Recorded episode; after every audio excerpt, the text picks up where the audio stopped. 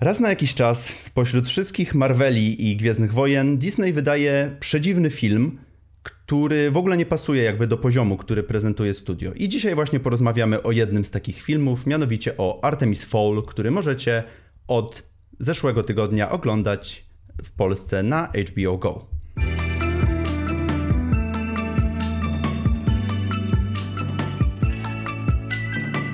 Cześć, witam Was bardzo serdecznie z tej strony Rafał i Kamil. I dzisiaj porozmawiamy sobie o najnowszej produkcji e, familijnej Disneya, czyli właśnie Artemis Fowl, który można oglądać już na HBO Go. Filmu, który mm, spotkał się ze sporą krytyką, zarówno wśród fanów, jak i wśród krytyków.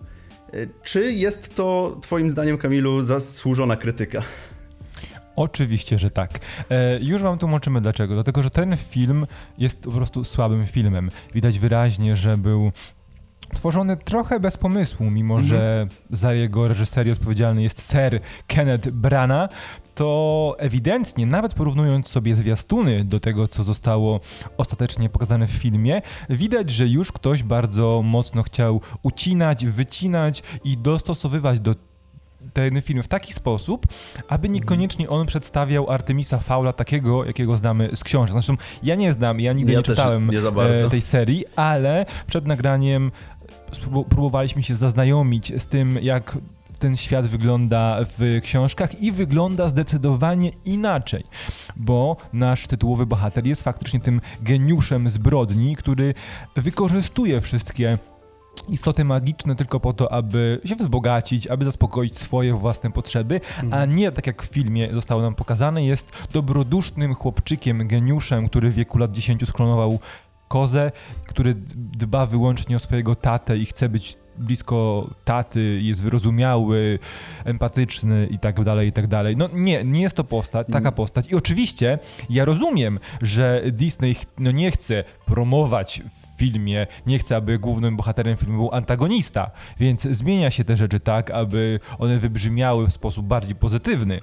I to jakby możemy zrozumieć i możemy wybaczyć. Nie możemy jednak wybaczyć głupot, pozostałych głupot, które są e, w tym filmie e, przedstawione, pokazane, które nie wiemy, czy miały być wstawkami komicznymi, czy miały nas doprowadzić do do zastanawiania się, czy to tak powinno wyglądać, czy po prostu są błędami, które powstały w postprodukcji tego filmu, bo jest ich mnóstwo. Jest, jest ich bardzo dużo i ja nie jestem w stanie sobie wyobrazić, jak gościu, który, gościu pokroju Kennetha Bra Branata e, jest w stanie w ogóle wypuścić coś takiego. Bo... Sygnować w ogóle swoim nazwiskiem. Tak, tak, bo jest tutaj tyle błędów, ale to nie błędów takich e, jakichś, no nie wiem, nie, nie, tylko takich podstawowych błędów w tworzeniu, kręceniu czy postprodukcji filmów, która, y, która to w ogóle mm, jest dla mnie fenomenalne. Y, zacznijmy od tego, że owszem, Artemis Fowl został zmieniony, ale nie jest nam to w żaden sposób wytłumaczone. W sensie to jest zwykły, jakby zwykły koleś, taki jakiś no, niby geniusz, ale jakby nie widzę w ogóle opcji, dlaczego go zmienili. W sensie jakby to, ta zmiana względem książek nic nam nie wnosi do samej postaci. Nie wiem, czy wiesz, nie, nie, nie wiem, czy wiesz o, o, o, czym mówię, ale chodzi mi o to, że zazwyczaj jak robisz jakąś zmianę znaczącą względem książki, no to chciałbyś, jakby ja jako widz chciałbym, żeby to miało jakiś realny wpływ na fabułę filmu.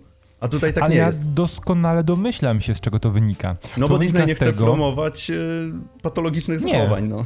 Nie dlatego. Nie dlatego, bo ja domyślam się, że jeśli e, daliby szansę widzowie, oglądający i producenci daliby szansę dorosnąć tej postaci, to ona faktycznie stałaby się bardziej e, ambiwalentna w swoich e, działaniach i w swoim e, ustosunkowaniu moralnym. Wszystko polega na tym, że Disney chciał sobie zapewnić e, gwarancję serii filmów bazującej na serii książek. Wszystkim się marzy e, posiadanie w, swoim, w swojej bibliotece czegoś na wzór Harry'ego Pottera, prawda? No tak. I wydaje mi się, że tylko o to chodzi. Postać miałaby dorastać i wraz z dorastaniem miałaby zmieniać swój charakter. No, niestety lub stety, po tym jak ten film wyglądał, no nie dojdzie do tego na pewno. No raczej, no raczej nie. E, tak, ale może porozmawiajmy też o tym świecie, bo jest to świat, w którym istnieje ta sfera magiczna, mhm. ale ona nie wchodzi w interakcję ze sferą ludzką, ponieważ tysiące lat temu, czy tam tysiąc lat temu była jakaś wojna pomiędzy wróżkami a ludźmi, bo o właśnie, to też jest ważna rzecz, bo te wszystkie istoty magiczne, z małymi wyjątkami, jakby gatunek tych istot magicznych nazywa się tutaj wróżkami, feris, no nie? Mhm. I niezależnie od tego, kim jesteś, to mieścisz się w, tym, w tej gronie. Oczywiście są, jak się później dowiadujemy, e, Ferys, Ferys, są gobliny, tak, są, są gobliny, są, dokładnie. Centaury. Są, ale głównie są wróżki wróżki. Mimo tego, że one wcale nie są wróżkami, bo są rozmiarów ludzkich, nie mają skrzydeł naturalnych i mają szpiczaste uszy. E, ale to nieistotne. Jak, jak sobie wymyślono bardziej nazwy elfy. w tym. Ba, właśnie, bardziej elfy. Jak wymyślono sobie nazwy w tym uniwersum, to nie ma takiego znaczenia. Ma natomiast znaczenie bezsensowność tego świata, bo z jednej strony Artemis Senior i Artemis Junior uczą się, opowiadają sobie, zbierają sobie artefakty związane z kulturą właśnie istot magicznych, ale jednocześnie dowiadujemy się, że mają podziemne miasta. E, z technologią przewyższającą technologię ludzką. I to obecną to... technologię ludzką. I to jest to jest y, bardzo właśnie, to mnie bardzo ubodło, bo mm, jak oglądam filmy, czy, czy czytam książki, czy jakieś słuchowiska słucham, to y, jakby całą tą otoczkę, jak słucham jakiś, o jakichś legendach, mitach, Y, to całą tą otoczkę chciałbym mieć taką jakby z tamtych czasów. A tutaj mamy coś, co mi się bardzo nie podoba, czyli jakby te wszystkie wróżki, istoty magiczne wyjęte prosto z jakiejś tam mitologii, y, czy z jakichś tam wierzeń irlandzkich. A tutaj mamy wszystko w tej takiej otoczce takiej, że po prostu jakby to wszystko się działo, nie wiem, w kosmosie, na jakiejś dziwnej innej planecie. I tak to wygląda, bo y, mają jakieś te super zbroje technologiczne, jakieś super pojazdy Jet, technologiczne. W ogóle y, te hologramy wszędzie się wyświetlają, po prostu jak w jaskini Batmana ta siedzi y, Judy Dench i tam ogląda, przegląda jakieś wykresy, co się dzieje na różnych y, tam, nie wiem, wyspach czy gdzieś. Y, więc to jest, y, no bardzo mi się to nie podoba. Jest to takie bardzo wy, wybijające cię z jakby z rytmu oglądania i w ogóle sprawiające takie, taki dyskomfort. Okej, okay, i jeszcze to, co powiedziałem wcześniej, czyli to, że Disney miał chyba chrapkę na wieloczęściowe uniwersum, wieloczęściową historię, jest to, że tak naprawdę w tym filmie mamy antagonistę, o którym nie wiemy absolutnie nic, oprócz tego, że po prostu chce zapanować nad światem, chce zabić wszystkich ludzi, chce, jest aby istoty magiczne... Jest gościem w kapturze. Tak, z gościem w kapturze i chce, żeby istoty magiczne były, żyły sobie, władały ziemią i to tyle. I aby to zrobić, musi mm, posiąść moc, super mocny artefakt, który ma trzy nazwy e, w, w trakcie trwania filmu. I czwartą mamy, ja nadałem. Wielki tak, żołądź. Mamy, mamy Oculusa, mamy Aculusa, mamy e, Aculosa i wielkiego, żo i wielkiego żołędzia. Więc to jest też artefakt, którego w książce nie ma, chyba w ogóle, e, z tego co udało mi się dowiedzieć. E, jeśli jest inaczej, to poprawcie mnie w komentarzach. E, no i jest to artefakt, który ma wielką moc i to tyle o nim wiemy. Ma wielką moc. I jest I że przenosi wszystko... I że przeno- y, tworzy portale między światami. To jeszcze jest powiedziane. Ale ma wielką moc. I, I ma wielką wszystko. moc, tak. I, I w ogóle wszystko. świeci się i błyszczy, błyszczy i wszyscy patrzą na niego i mówią uuu, to jest ten... To jest ten I artefakt, wow, I brakowało tylko wiewióra z krainy e, lodow... tej, z epoki lodowcowej. No mniej więcej tak to wyglądało, no niestety. A co mm. powiesz mi o, o narracji w ogóle tego świata, bo ta historia... No właśnie, jest... właśnie do tego chciałem, bo ja, ja, chciałem przejść do postaci i zacząć od Josha Gada, ale to w sumie łączy się z, nar z, z narracją w tym, w tym filmie, bo e, mamy tutaj obok e, Judy Dench czy Colina Farella mamy trzecie rozpoznawalne nazwisko, jest to Josh Gad, który gra tutaj e, olbrzymiego krasnoluda, który jest jednocześnie narratorem całej historii. E, który e, opowiada to w taki sposób, nie, właśnie nie wiem, czy tutaj, czy oni myśleli, że to będzie zabawne, jak on to będzie opowiadał w taki dziwny sposób, czy, czy to miało jakoś, nie, nie, nie, nie wiem do czego to prowadziło, chyba miało być to zabawne, no dla mnie to było bardziej takie cringe'owe. E, natomiast sama ta postać, jak już e, się pojawia, e, no to jest taki rzezimieszek trochę, taki wyjęty spod prawa gościu, który jedyne co chce to nie być odrzuconym przez własną rasę i robi wszystko. No i dodatkowo jest tam kieszonkowcem, z czego też jest chyba kilka razy Dumny. żart w filmie w ogóle. Jest ten żart w ogóle, gdzie ona mówi ta wróżka porwana przez, przez Artemisa mówi, że oddaj mi swoją broń i tam ten szuka, nie ma nigdzie i wtedy właśnie ta postać Josha Gada wyjmuje. Tak, jest ten sam, jest, ten, jest też żart z, właśnie z byciem kieszonkowcem, jak rozmawia z Judy Dench. Tam w ogóle jest kilka żartów. Tak. I niektóre z nich są, ale niektóre z nich się udały. W ogóle z, z, tym, z tą postacią e, Malcha Digamsa, granego przez e, Josha Gada, jest mnóstwo, związanych mnóstwo żartów. Niektórych nawet śmiesznych, bo jest na przykład żart o tym, że David, David Bowie był e, wróżką z, z tej magicznej sfery, o tym, że właśnie jak sobie rozmawia twarzą w twarz z tą porucznik kapitan Ruth, czyli graną przez Judy Dench, to próbuje ją okraść, a ona się go łapie na, na gorącym uczynku. Jest ten, ten, ten, ten żart, który mi się chyba najbardziej podobał w całym filmie, e, gdzie właśnie rozmawia sobie Marge z Ruth, e, są blisko siebie i wszyscy, oboje mają, nie wiadomo dlaczego, tak może Brana napisał w scenariuszu, że mówią o zachrypiałym, niskim głosem. E, I jest ten żart, że no Y, jak to? My się musimy trzymać razem, my y, dwoje osobników, którzy mówią o, o niskim, zachrypiałym głosem, jak, jak jak słonie z grypą.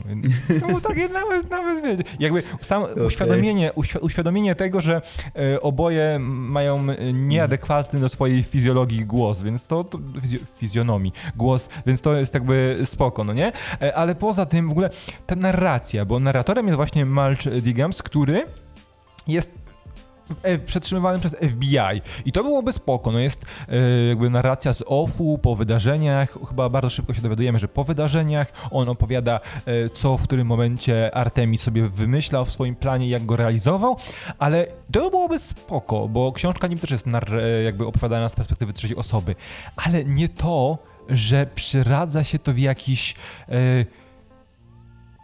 super e, artystyczny film, gdzie mamy zbliżenie na połowę twarzy naszego bohatera w, czarno, w, w czarno-białej, tak. Więc e, to jest przedziwny zabieg, nie wiadomo czemu miałby, być, miałby służyć. Odnośnie dziwnych zabiegów, to chciałem jeszcze porozmawiać sobie przez chwilę o tej e, scenie obrony dworu Artemisa, ogólnie dworu faulów, gdzie przybywają wróżki i tam są takie dziwne zabiegi w ogóle montażowo-operacyjno-kamerowe, mm. że to jest w ogóle fantastyczne, bo mamy takie szybkie ruchy kamery, zbliżenia na postacie, y, oddalania, przybliżenia y, i ruchy na przykład z wystrzeloną strzałą i to wygląda strasznie. To takie zabiegi były stosowane w, nie wiem, z 15-20 lat temu w takich tych bardziej kiczowatych filmach akcji gdzie ta kamera jest taka właśnie urywana i w ogóle te zabiegi się. To tylko jest w tej jednej scenie użyte i nigdzie więcej to, to nie występuje, więc też nie wiem, czy to był jakiś zamysł artystyczny, czy yy, po prostu tutaj, nie wiem, Branat powiedział operatorowi, a masz tutaj, dali kamerę starzyście i masz, yy, popisz się tą jedną sceną. Wracając jeszcze do yy, Malcha Digamsa, to chyba pora wspomnieć o największym cringe'u tego filmu, czyli Josh Gad gra krasnoluda, który powiększa sobie twarz, bo krasnoludy w tym świecie powiększają sobie twarz i usta i jedzą ziemię, ale to, że jedzą ziemię to jeszcze pół biedy, bo one tą ziemię z siebie wysrywają. Ale chyba nie powiększa, nie powiększa sobie twarz, tylko sobie chyba szczękę Usta, z szczękę, tak, tak. tak. To, to było to było prze, prze, przedziwne, przedziwne. Ale tak w taki niepokojący sposób. To tak oglądasz sobie rodzinny film od Disneya i nagle widzisz taką scenę i yy, nie wiesz, czy ja, ja, jakbym był rodzicem z dzieckiem na, nie, wiem, na sali kinowej, to nie wiedziałbym, czy, czy, czy się śmiać, czy zakryć dziecku oczy, czy wyjść, czy, co, czy co zrobić ale jest kilka takich, e, takich właśnie momentów, które jakby zupełnie nie przystają do filmu familijnego. Ta scena z weselem, kiedy E, to był, kto tam się... Wchodzi y, wielki ten troll i zaczyna rzucać tak, w ogóle tymi troll. ludźmi, gdzieś te, ci ludzie lecą, gdzieś tam się rozbryzgują o, o ścianę za, tego zamku, no... Przedziwne, przedziwne. przedziwne. przedziwne. Ale dobrze, no jakby my, my możemy sobie rozkładać na czynniki pierwsze ten film, bo na pewno jest dużo rzeczy, mhm. o których można byłoby wspomnieć i które obśmiać, ale to chyba nie ma aż tak wielkiego sensu, bo o tym filmie było powiedziane już chyba wszystko, no bo on pierwotnie ukazał się na Disney Plus. Ci z was, którzy, którym udało się w jakiś sposób legalnie nabyć dostęp do Disney Plus, mogli sobie obejrzeć go w czerwcu, pod koniec czerwca. On legalnie w Polsce pojawił się na HBO Go, co też jest rzecz, ciekawą rzeczą, no bo to wynika chyba z, umu, z umów Disneya z Warnerem, e, że no. filmy bez premiery, bez premiery kinowej muszą pojawić się na streamingu Warnera w Polsce. Mm, więc można, jest dostępny. On, ten film trwa w ogóle 90 minut i, i, wiesz co mi się wydaje, bo jak oglądałem ten film, drugi, dwa razy go oglądałem i za drugim razem do mnie dotarło, że ten film nie ma filmowego aktu. To znaczy yy, on ma szybki, szybkie ustanowienie świata mhm. i drugi akt. W momencie, który odkąd wróżki do... Przy, do, przybywają do y, tego dworu faulów, to tam cały czas jest akcja praktycznie i faktycznie tak. nie, ma, nie ma przerwy. Cały czas coś się dzieje i no nie, nie ma I tego jakby, podziału między drugim a trzecim aktem. Bo my utożsa właśnie utożsamiamy w tego typu filmach trzeci akt z walką, finałową walką i, i rozwiązaniem, no nie? Mhm. Pokonaniem przeciwnika i rozwiązaniem. A tutaj, podczas tego oblężenia, które rozpoczyna się w drugim akcie, e, dzieją się jeszcze elementy fabuły. No, no e, tak. Jakby nie, sam, nie sama finałowa walka, więc jakby są dwa akty ze sobą zbite, z których nie wynika absolutnie nic. I to, to, po raz kolejny mówię to, chyba trzeci raz, że to wynika prawdopodobnie z tego, że Disney wierzył, że powstaną kolejne części, w których będzie można ten świat rozwijać, te postaci popychać do przodu, no bo te postacie są bardzo płaskie, nawet sama, e, okej, okay. Ar Artemis jest prze e, słaby, Domowoj Butler nic o nim, jakby wiemy, że, jest, że dobry, dobrze walczy i to wszystko i, jest, i nie, mówić do, nie mówić do niego butler, no bo on jest butlerem, mimo że jest butlerem. E, ho, jakby Holly, Holly Short, czyli ta główna e, wróżkowa żołnierka, która jest, pojawia się w Artemi, Foul Mansion, jest ok. Jakby Znamy jej motywację, wiemy, co chce udowodnić, że chce oczyścić e, imię swojego poległego ojca, który był e, przez, przez elf, przez te wróżki traktowany jako zdrajcę. Okej, okay, to jest w miarę, w miarę spoko nam pokazane. No ale też ale nie przykład... przesadzajmy, no jest, jest no, ale, oczywiście, ale w miarę jak na ten film. Tak samo postać Artemisa Faula seniora, bo który my... nic nie robi. W ogóle zatrudniasz gościa, zatrudniasz Colina Farela do takiego filmu i on nic w tym filmie nie robi. On w tym filmie jest. Po prostu. Masz trzy sceny, gdzie opowiada jakąś bajkę e, Artemisowi, a przez resztę filmu wisi gdzieś tam uwięziony. I na koniec się tylko pojawia i tak. mówi, że no w sumie spoko, dzięki, że mnie uratowaliście. Ale my tak naprawdę nie, nie wiemy, czy on mówi prawdę, czy on kłamie. To znaczy, nie wiemy, czy on naprawdę jest tylko jakimś kustoszem i kolekcjonerem i sprzedawcą tych antyków, tylko być może faktycznie jest złodziejem, który obłowił się na sprzedaży tych elfickich, wróżkowych, jak zwał, tak zwał, magicznych artefaktów. No tak, okay, ale, ale tego nie wiemy. No tak, okej, okay, ale to jest właśnie jakby kolejny, to jest kolejna rzecz, która jakby ustanawia cię w przekonaniu, że tutaj powinny być chyba kolejne części, ten świat powinien być rozwijany, bo absolutnie nic o tej postaci nie wiemy. Mhm. Dlatego tym bardziej, mnie, tym bardziej mnie dziwi, że zatrudnili takiego aktora tutaj, no ale widocznie chcieli go wykorzystać w kolejnych częściach. No to się nie uda niestety. Rafale, to może jakieś słowo zakończenia, bo ja tak naprawdę nie za bardzo wiem, jak ten film można podsumować, jak tylko przykład, piękny przykład tego, jak nie robić filmów famili film familijnych, piękny przykład By tego, Disney jak Pictures. po raz kolejny, po raz kolejny e, Disney próbując stworzyć jakąś oryginalną e, franczyzę poległ. Znaczy, no bo... Ja, znaczy ja to szanuję, że oni próbują cały czas, wiesz, oni mają znaczy może teraz w dobie koronawirusa trochę mniej, ale oni mają tak dobrze pracującą maszynę w postaci Marvela, która im przynosi tyle pieniędzy, e, do tego dołóżmy pieniądze z Gwiezdnych Wojen, e, że oni sobie mogą pozwolić raz na jakiś czas na taki eksperyment, więc szkoda, że to już jest któryś z rzędu nieudany eksperyment, ale no dobrze, niech, przy, niech, niech, niech rzucają, może się któreś przyklei do ściany. Także ja to, ja to z jednej strony szanuję, aczkolwiek no nie pozostaje mi nic innego, jak powiedzieć, że y, odpalcie sobie HBO Go i y, zobaczcie ten film, bo zwyczajnie warto. Sami. Zwyczajnie warto i mówię to w 100% szczerze, bo ten film jest. To, to jest jeden z tych filmów, który jest tak zły, że aż dobry. Że trzeba go zobaczyć, bo. Y, no, bo jest beka po prostu. No co tu, nie będę, nie będę tutaj górnolotnie mówił. No jest beka. Czyli e, Rafał docenia odwagę e, Disneya i próbuje pochwalić oryginalność, e, z jaką podeszli do tematu, aczkolwiek robi to w taki trochę ironiczny sposób. szczery, ale który można odczytać jako ironię. Szczerze, ale ja się... ironicznie.